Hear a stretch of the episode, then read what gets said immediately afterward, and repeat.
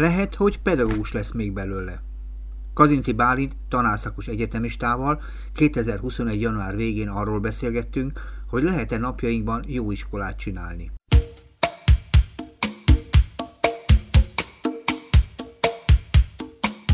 Hárman fogunk beszélgetni, még pedig egy olyan izgalmas témáról, ami szerintem napirenden szerepel az iskola, és abban az értelemben te többszörösen érintett vagy. Egyrészt, ha jól tudom, egyetemista vagy. Hanyad éves? Hát most ötöd éves. Tehát akkor idén végzel? Nem, még hát még ha ezt az évet már letudtam, utána még másfél év. Utána másfél év, és utána te gyakorlatilag pályára léphetnél, ugye? E, igen. Tehát milyen pályára? Mi lennél? Magyar-francia szakos tanár. Á, szebb ilyen, hogy nagyon szép, hogy, hogy nagyon jó. És, és és ugye veled fogunk erről beszélgetni, és azért is, mert hogy milyen pályára készülsz, meg egyáltalán hogy fogod fel ezt az egész történetet, és a másik vendégem is, aki munkatársam is egyszerre is érintett, mert ő meg most érettségizik. Igen. És mind a kettőtök közvetlen közelül is megéli azt az oktatás ügyet, ami tulajdonképpen csikorog és recseg, és engem pont azt foglalkoztat, hogy hogyan lehet ebből a mostani helyzetből jól kijönni. Most nem azt mondom, hogy, hogy nyilván egy csomó nehézségevel van az egész történetnek, és patkoljuk innen meg onnan, hanem hogy hogyan lehet kitalálni végre egy olyan rendszert, ami a, nemzedéki átörökítés folyamatát, hogy emelkedette hangon mondjam, a lehetőleg optimálisabban valósíthassa meg. Magyarul a legtöbb tudás, a legtöbb érték át tudja menni egy új nemzedék kezébe, hogy úgy tudja folytatni az új nemzedék a társadalmi folyamatokban az izgalmas dolgokat, ahogy az kéne, és attól tartok, hogy ebben az értelme ez az oktatás ma még azért nagyon-nagyon-nagyon recseg és robog. Uh-huh azt mondod, hogy, hogy te ötödéves vagy. Uh-huh. Na, így van. Úgy tudom, hogy te tanítottál is, már voltál tanít, tanított, gyakorló tanításod is volt. Ez így van. Na mesélj, hogyan tanítottál, mielőtt még belemegyünk sok-sok részletben. Igen? Milyen volt egy, egy egyetemistának tanítani hány évesek között? Hát olyan 10, 16, 17 mondjuk. Igen. Ez, hát igazán ezt úgy kell elképzelni, hogy nagyon gyorsan elmondom, hogy ezt hogy kell ezt a gyakorlatot képzelni, hogy ugye ugye én tanárszakos vagyok, és ugye a tanárszakosoknak úgy van, hogy két gyakorlatunk van, uh-huh. három, de mondjuk a két főbbet említem, uh-huh. a rövid gyakorlat és a hosszú gyakorlat, és a rövid gyakorlat, amit most én csináltam, ez azt jelenti, hogy az utolsó előtti évben, Igen. az utolsó év az egy teljes gyakorlati év, az utolsó előtti évben a két szakunkat két külön fél évben tanítjuk, 15-15 órát kell tanítani egy eltés gyakorlóiskolában, és mellette pedig ugyanúgy vannak egyetemi szemináriumaink, szakos szemináriumaink. A hosszú gyakorlat alatt viszont ott, ott nincsenek ilyenek, csak a gyakorlatra koncentrálunk, úgyhogy ez most kevesebb óraszem, de itt már megtapasztalhatjuk így tényleg a, a, az életben, meg a valóságban, hogy milyen diákokkal foglalkozni középiskolában, meg e, ugye aki középiskolában fog tanítani. És te most rövid gyakorlaton voltál, ugye? Van, és a, a francia. francia. És előtte vagy a hosszú gyakorlatnak?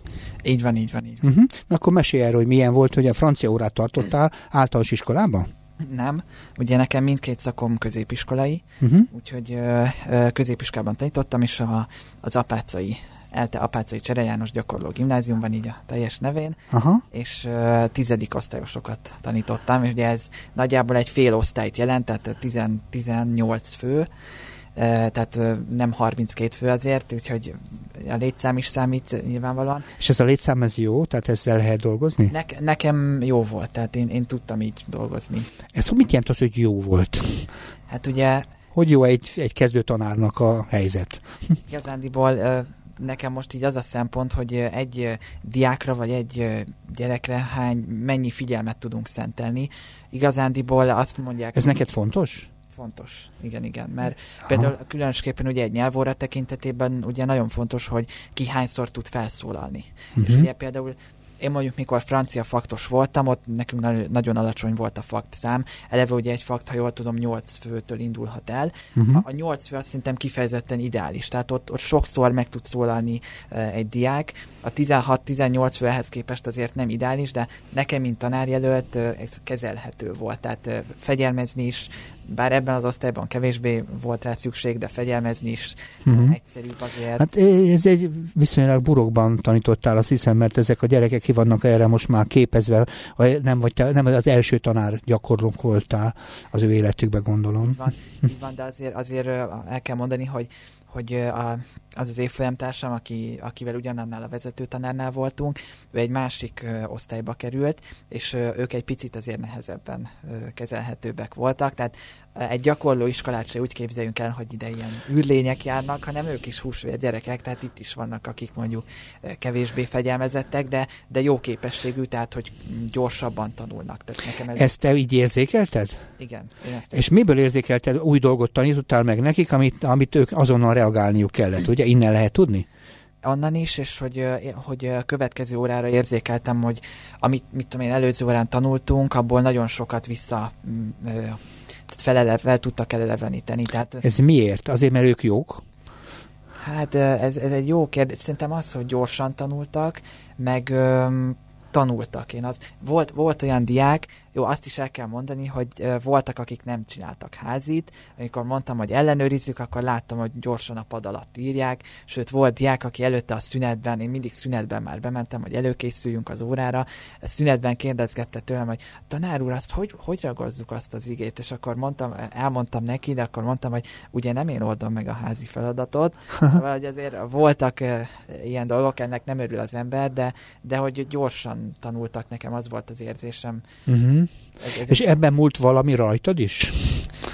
hogy gyorsan tanultak? Hát persze, mert ugye egy, most te jársz órára, és én úgy tudom tulajdonképpen, és találkozol egy-két olyan tanárral, akinek a mondataira vissza lehet emlékezni, és vannak, akiket nagyon nehezen lehet felidézni este felé, amikor az ember újra arra az órára akar készülni, vagy másnapra, ugye? Hát én szeretném azt hinni, hogy volt szerepem ebben, de alapvetően azt gondolom, hogy ebben inkább annak volt szerepe, hogy ők gyorsan tanulnak. Aha. És én, mint tanárjelölt, nekem, mint akinek az első ilyen tapasztalata volt, a tanárnő mondta néha, nagyon sok jó visszajelzést kaptam, de leginkább eleinte az volt a probléma, azt mondta, hogy kapkodtam, túl gyors voltam, uh-huh. és uh, ilyenkor nekem is fontos volt, hogy önreflektíven uh, lássam, hogy tehát, hogy ráhangolódjak a gyerekekre, és azt hiszem az idő előre haladtával ez már egyre jobban ment. Tehát, hogy, hogy érzi az ember, hogy mit, nem ér, mit értenek, mit nem értenek, mivel kell többet foglalkozni. Uh-huh. Volt például a felszólító mód, az nem ment nekik, akkor, akkor egyik alkalom egy külön feladatlapot összeállítottam, hogy akkor nézzük meg a felszólító módot, azt begyakoroltuk.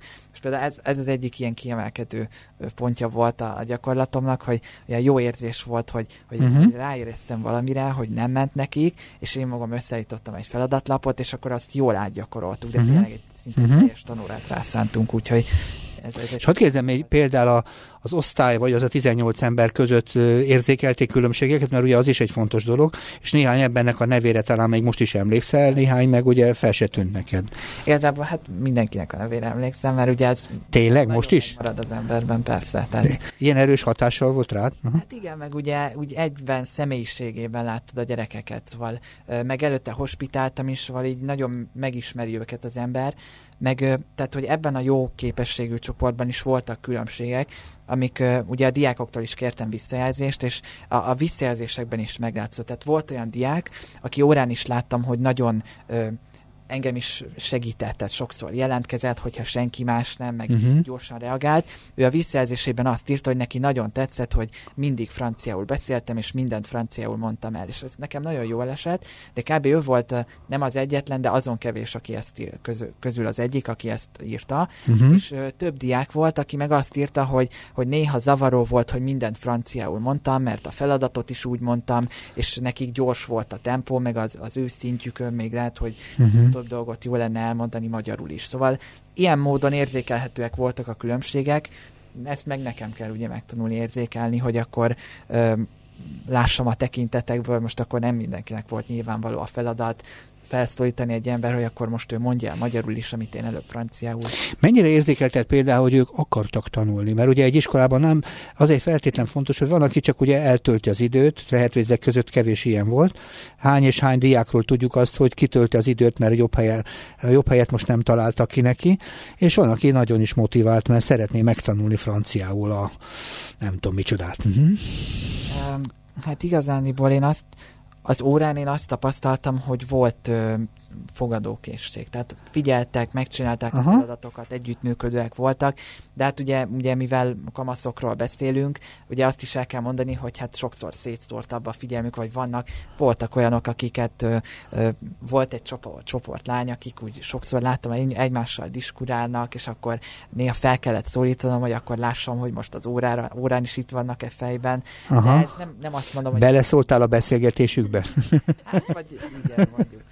Igen, szóval nem, én nem azt mondom, hogy ez, ez probléma, csak én nekem ugye tanárként fontos a visszacsatolás. Tanár úr, hogy kérdezzem meg tőled, hogy, hogy, hogy például mennyire zavart a figyelni még koncentrációs képességük, mert azt tanuljuk ugye mindenhol, hogy viszonylag rövid ideig tart, tehát nem tart 45 percig a gyerekek figyelme.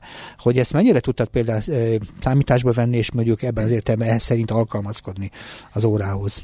Hát nagyon igyekeztem, ugye eleve tanárképzésen azt tanultuk, hogy uh-huh. a legideálisabb az, hogyha 7 percenként váltjuk a, a órai aktivitások típusát. Na most ez a, a tapasztalatom az volt, hogy ez annyira nem kivitelezhető, mert 7 perc az nagyon rövid. Így van. Egy magazinműsoros interjúra is túl rövid nekem. Igen. Hogy, alapvetően egy órán ilyen 3-4 etapban gondolkodtunk, a, a tanárnő is ezt mondta nekem, uh-huh. és ilyen 10-15 perces etapok, amit egy etap, azt úgy kell elképzelni, hogy mondjuk uh, nem tudom, ö, ilyen ritkán volt, de kiadok egy feladatot a tankönyvből, azt megcsinálják, akkor az minimum 7 perc, uh-huh. utána leellenőrizzük. Akkor bele kell kalkulálni, nem értenek mindent, rákérdeznek valamire, külön nyelvtani rész, ha van, amit nem értenek, elmagyarázni a táblán, ez minimum negyed óra. Uh-huh. Úgyhogy ilyen etapokban gondolkodtam, és ö, ezzel próbáltam a figyelmüket is fenntartani, hogy, hogy például minden pénteki órára vittem játékot, kahútot, uh-huh a Kahoot az egy ilyen okostelefonnal játszható játék, Aha. vízeket,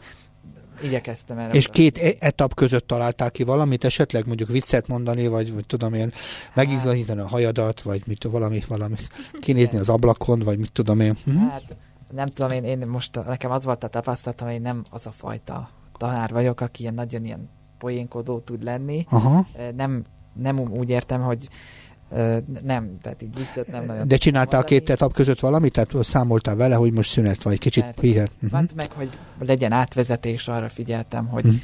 egymásra épüljön a kettő, persze, persze.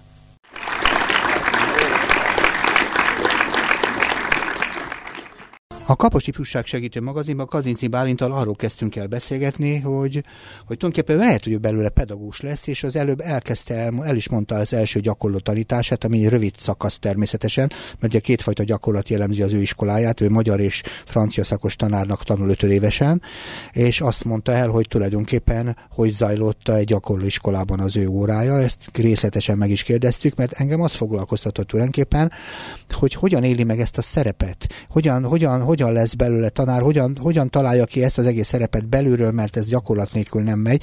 És mielőtt még tovább mennénk, hadd kérdezem, Zsófi, te el tudod képzelni a ti iskolátokban például ezt a tanárurat, aki itt ül melletted? Fú, hát az biztos, hogy velünk nem lett volna ilyen könnyű a helyzeted. Miért? És, és ugyan blokk mindentől függetlenül. Egyrészt, mert nem vagyunk gyakorló iskola, ez... Há, értem, az egy, egy kedvezményezett helyzet, ugye, ott a gyerekek gyakorlottak igen. már a gyakorlásban is, igen. Illetve, illetve a felvételi követelmények is magasabbak a gyakorlóiskolákba, uh-huh. részt. Um, hozzánk, hozzánk tényleg a színe java jár a gyerekeknek, vagy ezt nem, nem tudom szemben megfogalmazni. Igazából nálunk például kis csoportos tanítás nem is működik. Aha. Tehát a, a legkisebb csoportos óra is 24 fővel van. Hát ami, ez sok. És ez egy nyelvi óra. A, a nyelvi faktok olyan 40 fővel indulnak, tehát azért, azért ez egy picit nehezebb lenne. Nálunk is volt két gyakorló tanár, szegényeknek meg is volt nehezítve a helyzete. Ők két egyetemista lány volt, és ők bekerültek egy fiúosztályba, ahol ott aztán kapták a hideget, meleget, uh-huh. Öm, és, és abszolút nem is segítették őket nyilvánvalóan ez egy gyakorló iskolában nem fordulhat, vagy nem nagyon fordul elő, vagy nem annyira fordul elő, mint, mint, mint egy mezei gimnáziumban. Hát ő mély vízbe került, de kapott hozzá úszógumit, azt hiszem ez ezt jelenti. Igen. Nálatok meg valószínűleg nem lett kapott volna ezt is. De azért is kérdeztem ezt, mert szerintem azért valószínűleg nem az iskoláról kapták képet, hanem egy gyakorló tanítási lehetőségre, és nincs ez előbb egyik önmagában bajom. Szerintem az, hogy valaki egyből nem a legdurvább és legnehezebb próbatételeknek van kitéve, az nem olyan nagy baj, hogy egy pályát kezd. Ez bármilyen pályáról is van szó. De hadd kérdezem azért még mielőtt aztán tovább lépünk is, hogy te akkor tényleg tanár leszel? Eldöntötted már, mert múltkor egyszer valamikor veled rádióztunk és, és még nem voltál benne biztos, csak a hallgatóknak mondom, Bálintról azt is lehet tudni, a civil rádió egyik szerkesztő műsorvezetője és ilyen szempontból kollégám, és, és a rádió számára legalább annyira, hogy is mondjam, csak, sőt az egész kommunikációs világ egy igazi szép álom. Hm? Így van, hát nem biztos, hogy tanár leszek, ez, ez, a, ez az, amit biztosan tudok mondani. Mondjuk nem biztos, de a gyakorlat, most, hogy elkezdtem a gyakorlatot, uh-huh. most az, az, az biztos, hogy még sokkal motiváltabb lettem, hogy, hogy tanítsak, uh-huh. de még nem igazán kiforrad bennem ez a kérdés. Egyelőre azt tudom, hogy ha itthon befejezem ezt a képzést, akkor szeretnék Franciaországban tovább tanulni újságírást. Uh-huh. Ez, ez nem változott ugye a legutóbbi beszélgetésünk óta. Igen. Talán annyival, hogy most már közelebb kerültem, tehát most már úgymond a célegyenes következik, és most már tényleg el kell kezdenem tervezgetni, a, hogy ezt a továbbtanulást meg tudjam alapozni. Ugye ennek lesz egy része most január végén történő nyelvvizsga, ez egy ilyen C1-es, mert ugye már van francia nyelvvizsgám, B2-es középfokú, de ez egy C1-es felsőfokú nyelvvizsga lesz, egy ilyen kifejezetten úgynevezett DALF nyelvvizsga, ami a ami a francia oktatási minisztérium által elismert nyelvvizsga, és ezt a frankofón országokban az egyetemeken elismerik, szóval ilyen szempontból ez egy komoly nyelvvizsga, vagy ha úgy tetszik, perspektívákat kínálhat, és most tehát ez az egyik ilyen lépése, hogy ezt megtörténhessen.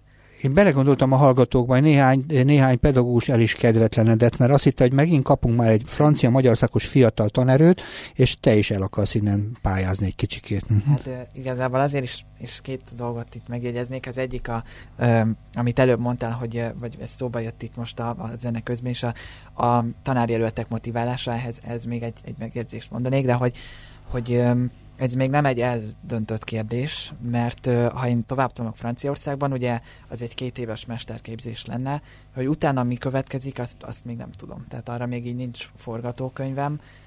Most, most egyelőre a továbbtanulás, ami egy biztos cél. Tehát még nem tudom, hogy párhuzamosan lehet-e a kettőt, mert ahol én voltam most a tanítási gyakorlaton ott is a, a vezetőtanárom, akit nagyon megkedveltem, és tényleg nagyon jó ö, kapcsolat, meg, meg együttműködés ö, alakult ki vele, ő is folyamatosan bíztatott, hogy szükség van az ilyen fiatal, hát motivált.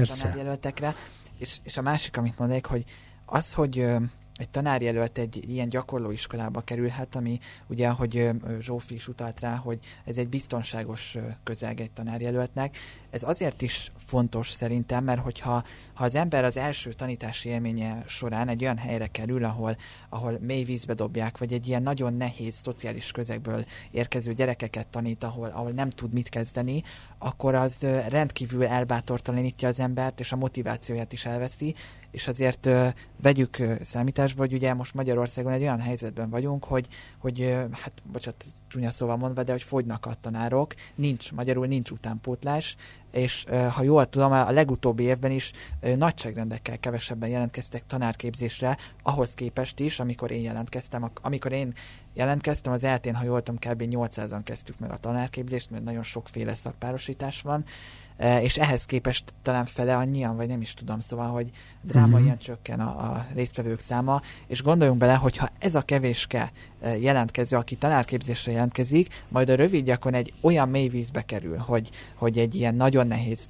csoportot tanít, ott veszíti el az érdeklődést, hát akkor az már tényleg bocsát a rendszernek. Hát ez egy nagyon kényes kérdés, és itt megérkeztünk ahhoz a dologhoz, amiért is ültünk, és talán kicsi időnk is lesz rá, de attól még nem baj, erről beszélünk, hogy melyik az az iskola, amiben te tanítanál. Mert ugye az az iskola, amiben elkezdtél, azt mondta, hogy 800-an kezdtetek, és most már ugye a fele nagyjából, ugye?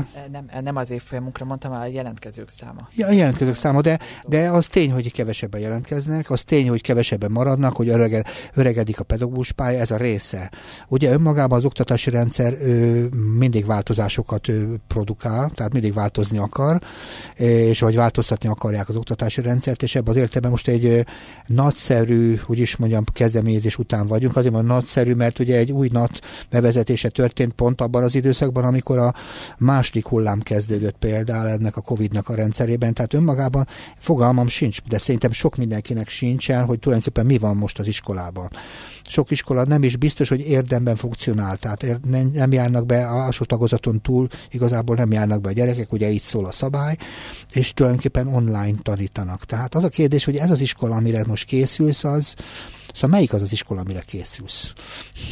Hát, ez nagyon jó kérdés, és egy nagyon nehéz kérdés is. Szerintem valahol ez tantárgy specifikus is, mert például... Igen? Igen, mert ugye most mondhatok egy példát, ugye, ha Igen? a nyelvoktatásban gondolkod, eleve a, a nyelvoktatás, meg a magyar tanítást is szerintem egészen más tészta, sok átfedés is van, de ha a nyelvoktatásban gondolkodom, akkor például ugye sokszor ugye látunk ilyen plakátokat, hogy 50 óra alatt tanulj meg egy nyelvet, mhm. beszédcentrikus, uh-huh. meg stb. És hogy van egy ilyen imázs a tanításra, hogy színes, szagos, érdekes, interaktív, beszédcentrikus, de a beszédcentrikusság sem működik, mondjuk tényleg nyelv, nyelv oktatás aspektusából mondom, annélkül, hogy ne lenne alapja. Szavakat meg kell tanulni, Bizony. nyelvtan meg kell tanulni, tehát én azt gondolom, hogy ahogy én most taníthattam egy állami iskolában a nyelvet, nekem, mint tanár, ez, ez, ez a módszertan, ez viszonylag komfortos volt, és én ezt most így többé-kevésbé működőképesnek érzem, és ezt mondom úgy, hogy volt okostábla is persze itt a, gyerekeknek, tehát tudtunk, néha be tudtam vinni ilyen mhm. érdekesebb feladatokat is, ugye, ahogy mondtam, a hétvégi vagy pénteki óráinkra, de az a hét, köz, hét közbeni órákon elengedhetetlen volt az, hogy dolgozzunk keményen a nyelvtanon, begyakoroljuk a felszólító módot, mert ennélkül nem tud működni, tehát hogy a, a belefektetett munka is kell, és ezek a, a nem szeretem dolgok, hogy egy igeragozást megtanulok, ez, ez szükséges hozzá. Én azt kérdezem, és akkor az előző kérdések is állnak természetesen, hogy te most melyiknek vagy a híve a nyelvet tanítunk, vagy egy nyelven tanítunk valamit, kultúrát, világot, és hogy ez például sok nyelvtanának egyébként áldász küzdelme is, ugye, hogy most francia vagy angol, vagy mit tudom én, attól függ, melyik német nyelvet tanítjuk, melyik nyelvet tanítjuk, annak a kultúráját, annak a hétköznapi életét, a, a nyelvnek a használatával együtt járó napi kommunikációt tanuljuk, mert ez nem ugyanaz, mint amikor akadémikusan tanuljuk a nyelvtan szerkezetét, akit ismerek, angol születésű Magyarországon élő fiatal embereket, és tudja, hogy nem, fogná, nem tudnának levizsgálni, mert a magyar rendszer az meglehetősen nyelvtan központú, és fogalma sincs például annak a, a született angolnak, hogy például nyelvtani szerkezetben, amikor tökéletesen jól beszél, hogy azt milyen szerkezetbe teszi. Hát nem tudom, én azt, azt mondom, hogy egy nyelvvel együtt egy kultúrát is tanulunk tanítunk párhuzamosan. Jó, de hova teszed a hangsúlyt? Ez világos, hogy így van, mert mi a fontosabb az, hogy, hogy akadémikusan pontosan francia, hogy is mondjam, kultúrnyelvet tanuljuk, vagy az ennek a címén mondjuk bármit megtanuljunk, amit a francia világ produkál számunkra.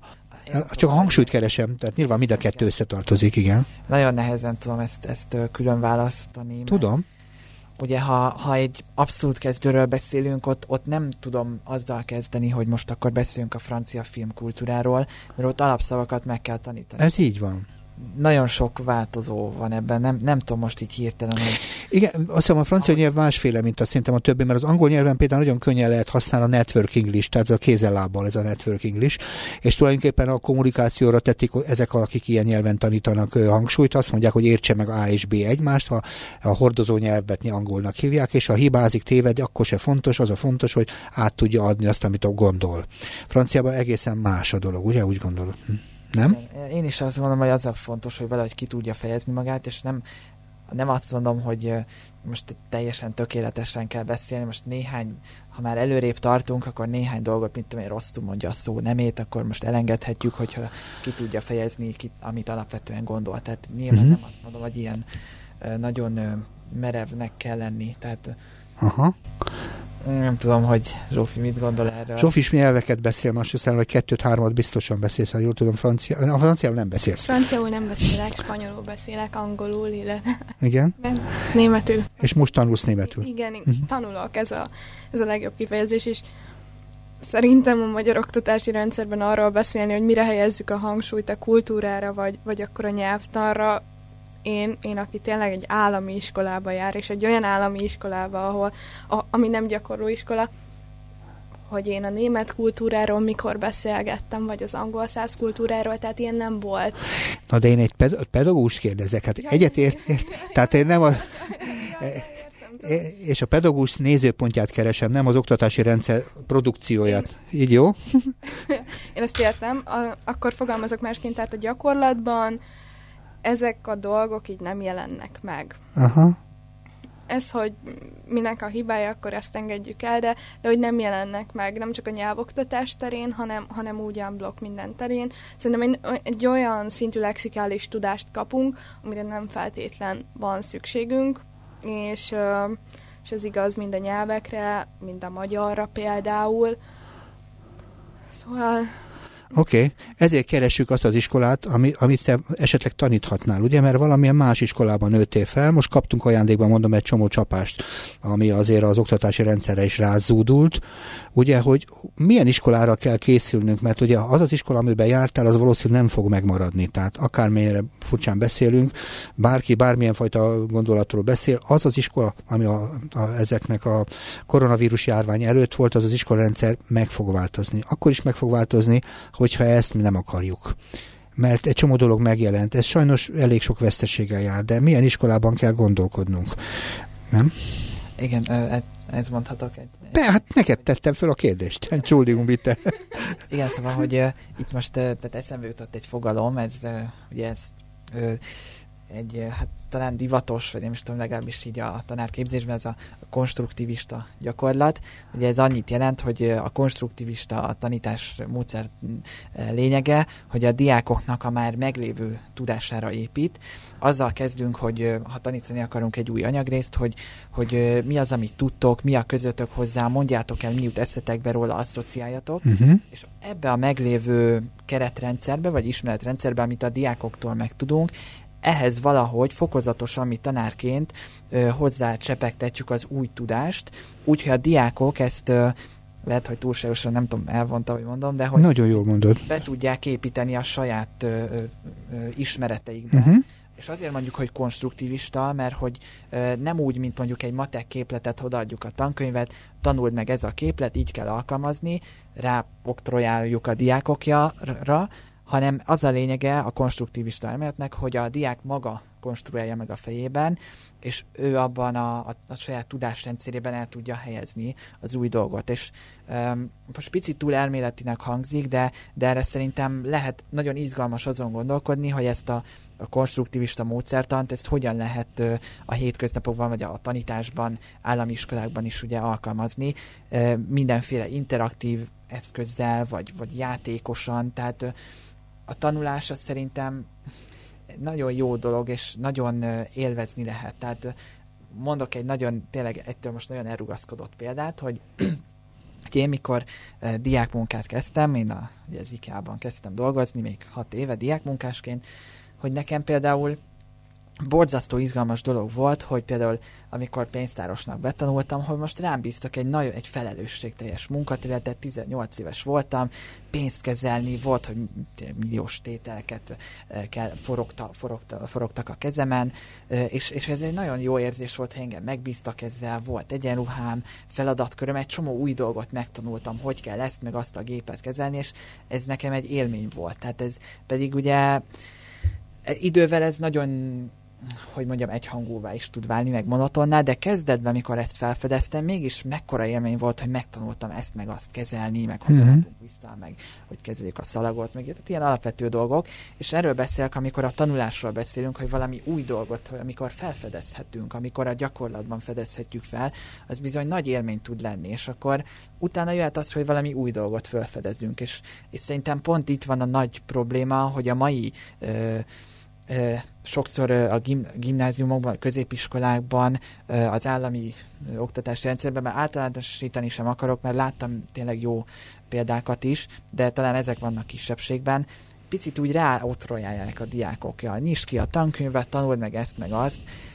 Ez ennek a diák nem fogja a sajátjának érezni azért, mert én azt mondom, hogy tanuld meg, hanem valahogy ezt, és szerintem egy pedagógusnak ez a leg nem is tudom, legnagyobb kihívást is, meg kreativitást igénylő dolog, hogy hogy tudja fogyaszthatóvá, érdekessé tenni a diáknak az adott tananyagrészt.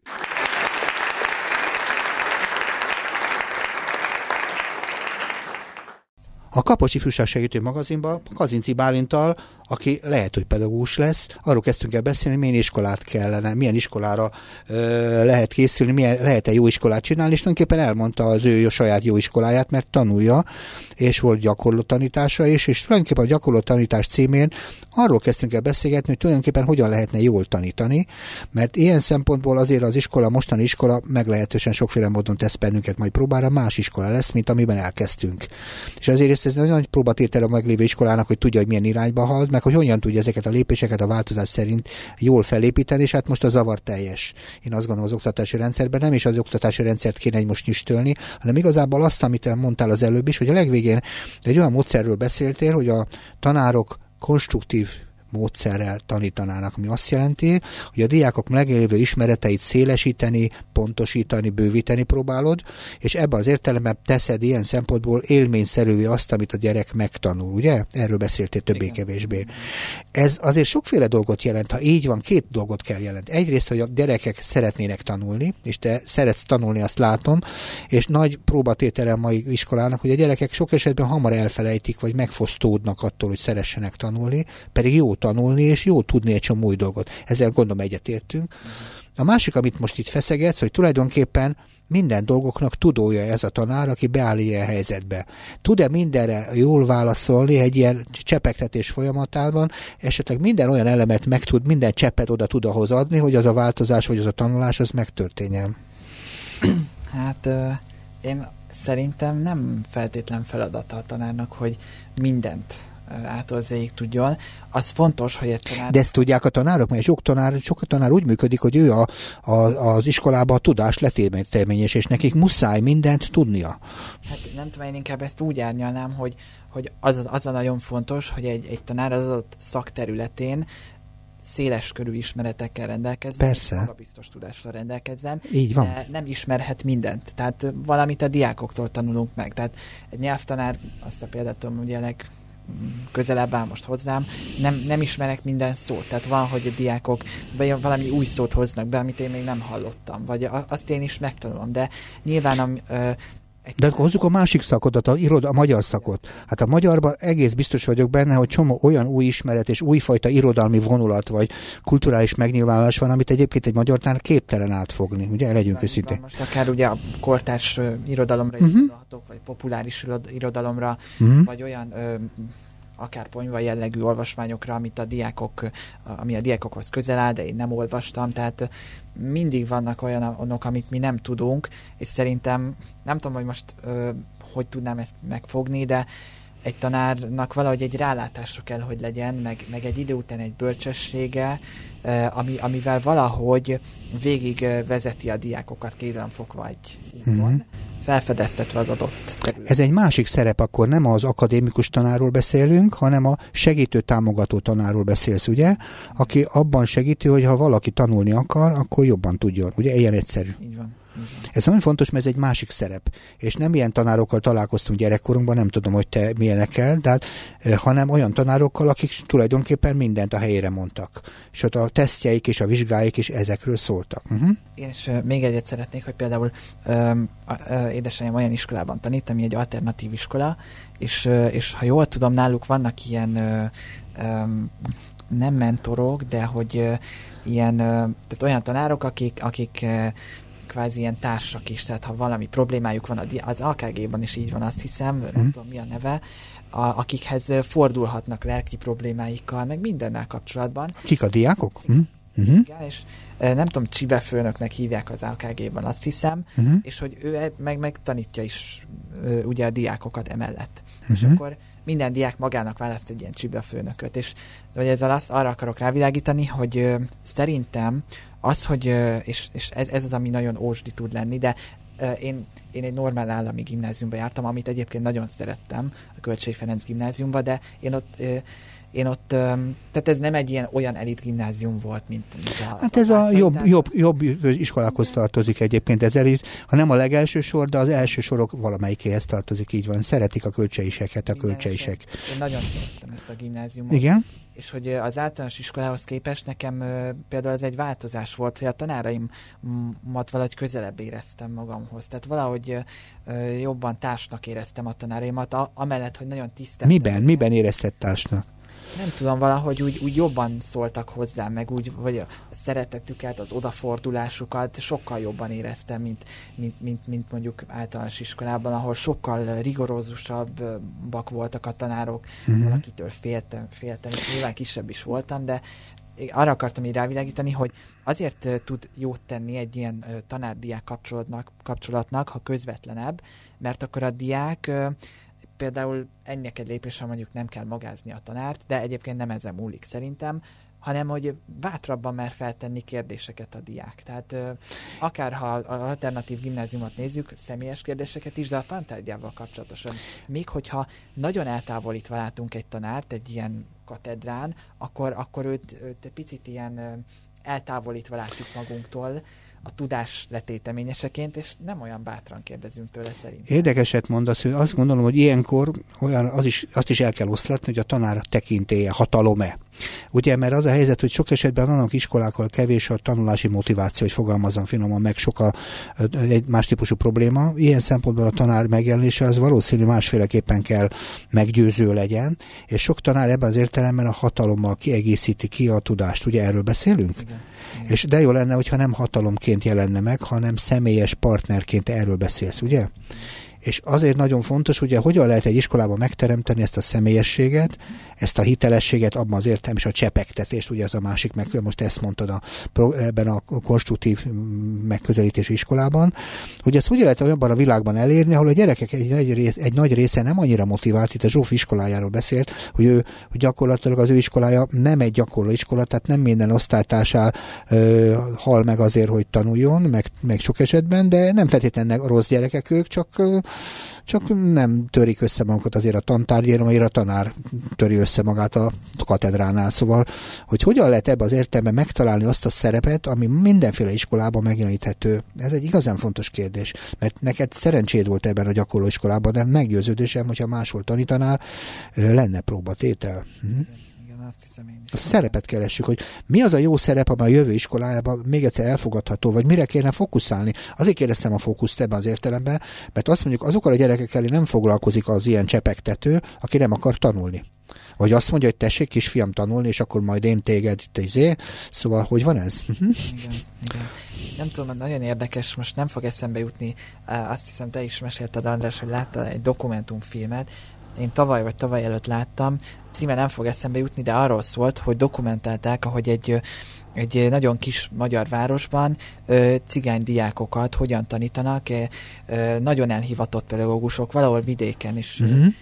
ilyen nagyon, tehát látszott, hogy előképzésen vettek részt a tanárok, és ezeket a, a diákokat nagyon nehéz volt arra bírni, hogy, hogy jelentkezzenek erre a szakkörre, ahol velük foglalkoznak. Uh-huh. És, és nagyon jó volt látni, hogy, hogy nagyon azt, azt nagyon keserű volt látni, hogy nagyon kevés, úgy tűnt, hogy kevés perspektívájuk van ezeknek a diákoknak. Hát persze. És, de, de mégis elmentek arra a szakkörre. És ott, Ez is nagyon szép. Ott, ott uh-huh. is, a szakkörön is valahogy úgy indultak, meg az volt a módszertan, hogy a tanárok uh, feléjük fordultak, hogy hallgassuk meg a ti problémáitokat, hogy nektek mi a mondani valótok, mi a hátteretek, uh-huh. és amikor mesélt magáról egy-két diák, akkor, akkor az ember, aki uh, mondjuk, na én úgy voltam vele, hogy, hogy, hogy így picit úgy sokkolt, vagy úgy, úgy meg, meg megrázott, hogy, meg. Uh-huh. hogy milyen sorsokkal jönnek itt, és hogy szerintem ez valahogy ez kéne legyen az első lépés, hogy, hogy tudunk nyitni a diákok felé, hogy ti honnan jöttök, mi a hátteretek, uh-huh. titeket mi foglalkoztat. Ezt mondhatom azt úgy, hogy ha legelőször jól lenne a kapcsolatba lépni egymással. Igen. Tehát sok esetben úgy tanítanak egy csomó iskolába, hogy nincs is kapcsolat a gyerekek és a diákok között, ugye? És azt mondod te, hogy odafordulni, személyesnek lenni, meg mindenféle szempontból az első, hogy legyen közünk egymáshoz. Mert a tanulás az egy bizalmi és egy kegyelmi állapot. Így is lehetne mondani, a tanulás egy kegyelmi állapot, ott nincs védekezés, ott, ott felfedezés van. Igen. Jól mondom, felfedezzük azt a szépet, amit úgy hívnak, hogy tudás. Uh-huh. Jó, jó, jó.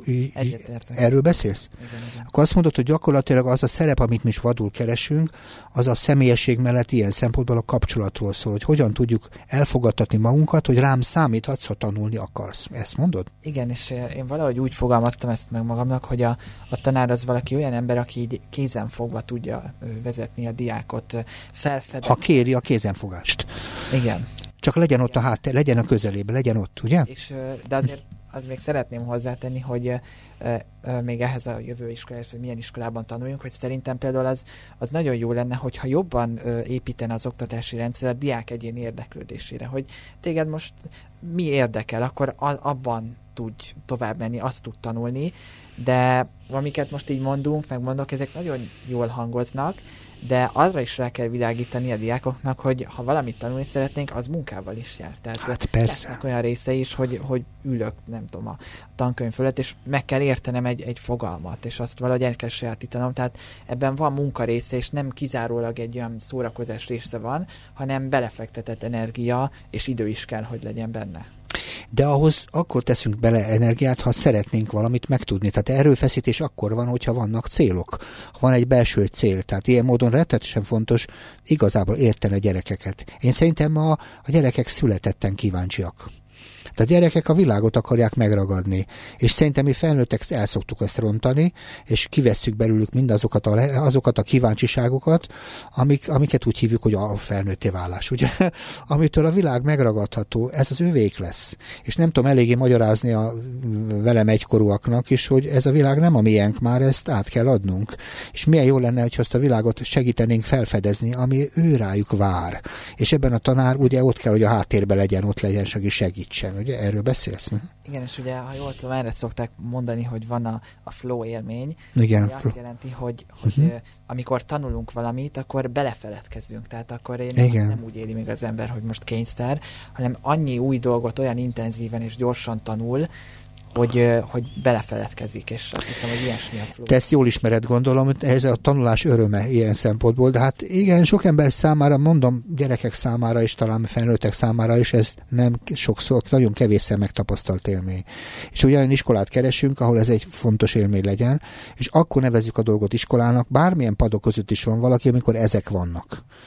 Félem, vélem azt hinni, hogy csomó iskola nem iskola, mert oda bemennek, és őt a tanulás iparát gyakorolják, de tulajdonképpen az a dolog nem történik meg, amiről te beszélsz, hogy örömet okoz a tanulás, így van? Amitől a világ felfedezhető abban a világban. Egyszer találkoztam egy érdekes iskolával, amelyiknél hasonlóképpen nehéz helyzetű gyerekekről volt szó, ahol, ahol még ráadásul a kommunikáció sem volt tiszta, hogy azt csinálták, hogy a gyerekek, amit kedvet éreztek, azzal foglalkozhattak, és ott talált, találták ki a fogalmakat is. Tehát magához eszközöknek is új nevet adtak. És nagyon érdekes volt a dolog, mert ugye létrehozták a tudást, a közös tudást, ami nagyon érdekes volt, és nyilván ez aztán konvertálható, áttehető más és más történetre, mert a legfontosabb dolgok ilyenkor mit tanul meg? A, a tanulás képességét szerzik meg, ugye erről szól a dolog. Igen. És ma olyan világban élünk, hogy tanulni kell megtanulni, ugye? Igen a kíváncsiságból tudatos tanulásá tudjuk tenni azt, ami bennünket foglalkoztat. Így van? Így van. Ezen gondolkodom. Jó, de hát ha ilyen tanár vagy, akkor szerintem rengeteg feladatod van. Hogyha beviszed az iskolába a csepegtetést, akkor neked sokat kell fejleszteni magad, egyrészt a kapcsolatteremtésben, ugye? Másrészt pedig abban, hogy legyenek cseppjeid. Tehát tudjál mit oda csepegtetni ami, ami az is fontos, hogy értened kell ezt a nemzedéket, a mindenkori gyerekeket. Szerinted lehet-e hosszú távon például érteni a fiatalokat? Mert ugye öregszünk, hát belünk, itt táncosodunk, ott szőkülünk, őszülünk, vagy mit tudom én, és a gyerekek meg mindig új és új hajtás ebben a világban. Igen, hát én ö, olyan szempontból most könnyű helyzetben vagyok, hogy, hogy ö, én elég közel állok még azért ahhoz a korosztályhoz, akit tanítok ö, életkorban, tehát maximum tíz év volt köztünk, akiket tanítottam, vagy talán annyi se. Szóval, mm-hmm. hogy ö, én azt remélem, hogy azért még úgy értettem őket, legalábbis a vezetőtanárom azt mondta, hogy úgy, úgy látta, hogy így jól érzem a diákokat, meg ráérzek, hogy mi érzek mm-hmm. őket, meg hogyan, de szerintem ö, ö, én a vezetőtanárban is úgy láttam, hogy ő jól meg tudta szólítani a diákokat, meg én azt mondom, hogy aki ö, diákokkal foglalkozik és gyerekekkel, annak valahogy már így ö, erre így kifejlődnek az antennái, meg, meg ö, érzékel ezt, tehát hogy valahogy ráhangolódik. Erre Tetszik nekem ez, de jó lenne ez így lenne tulajdonképpen, de jó lenne. Az, hogy többfajta diákkal találkozik valaki, az a baj, hogy az én tapasztalatom szerint négy-öt évenként radikálisan megváltozik a generáció.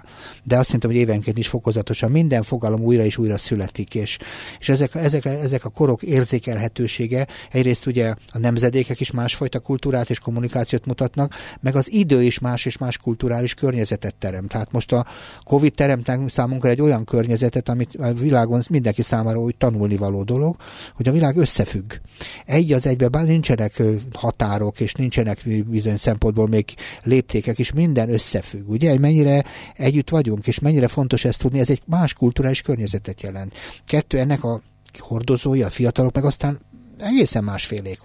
Ugye hol van már az írásbeliség, és hol vannak ilyen szempontból a Gutenberg galaxis termékei, a könyvek sok esetben a tudás megragadásának nagyon sokszor a más hordozója dominánsabbak, és ezt hogyan lehet ebben az értelemben beforgatni, és nem összeveszíteni a gyereket a internet és a könyv közötti küzdelemben, hanem a tudást keresni benne.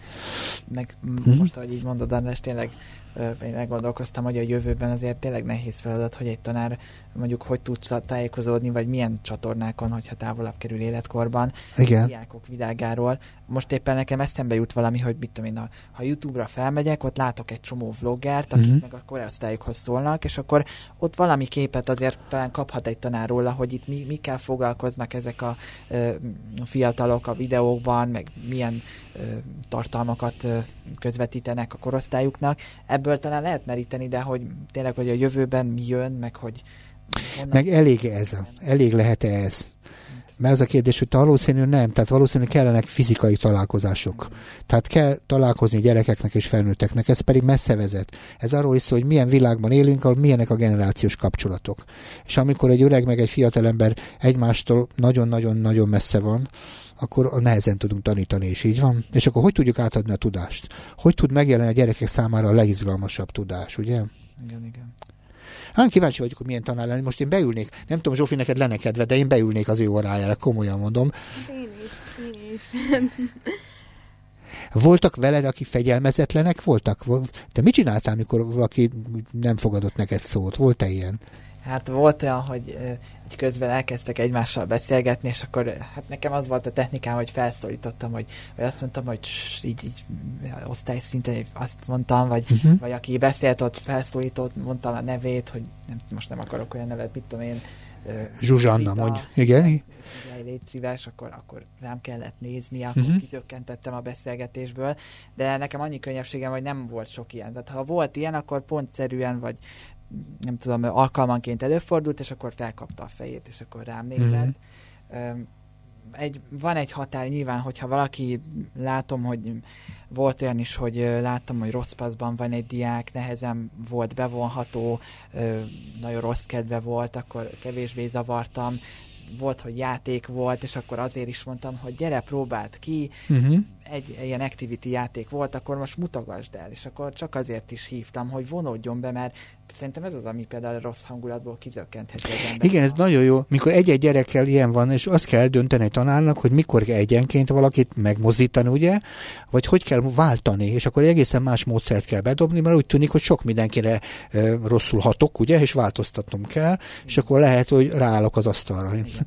Vagy elkezdek énekelni, vagy valamit csinálok, kinyitom az ablakot, vagy valamit, de valami valami meglepen új dolgot kell csinálni, hogy a gyerekek újra figyeljenek. Ugye erről beszélsz, ugye?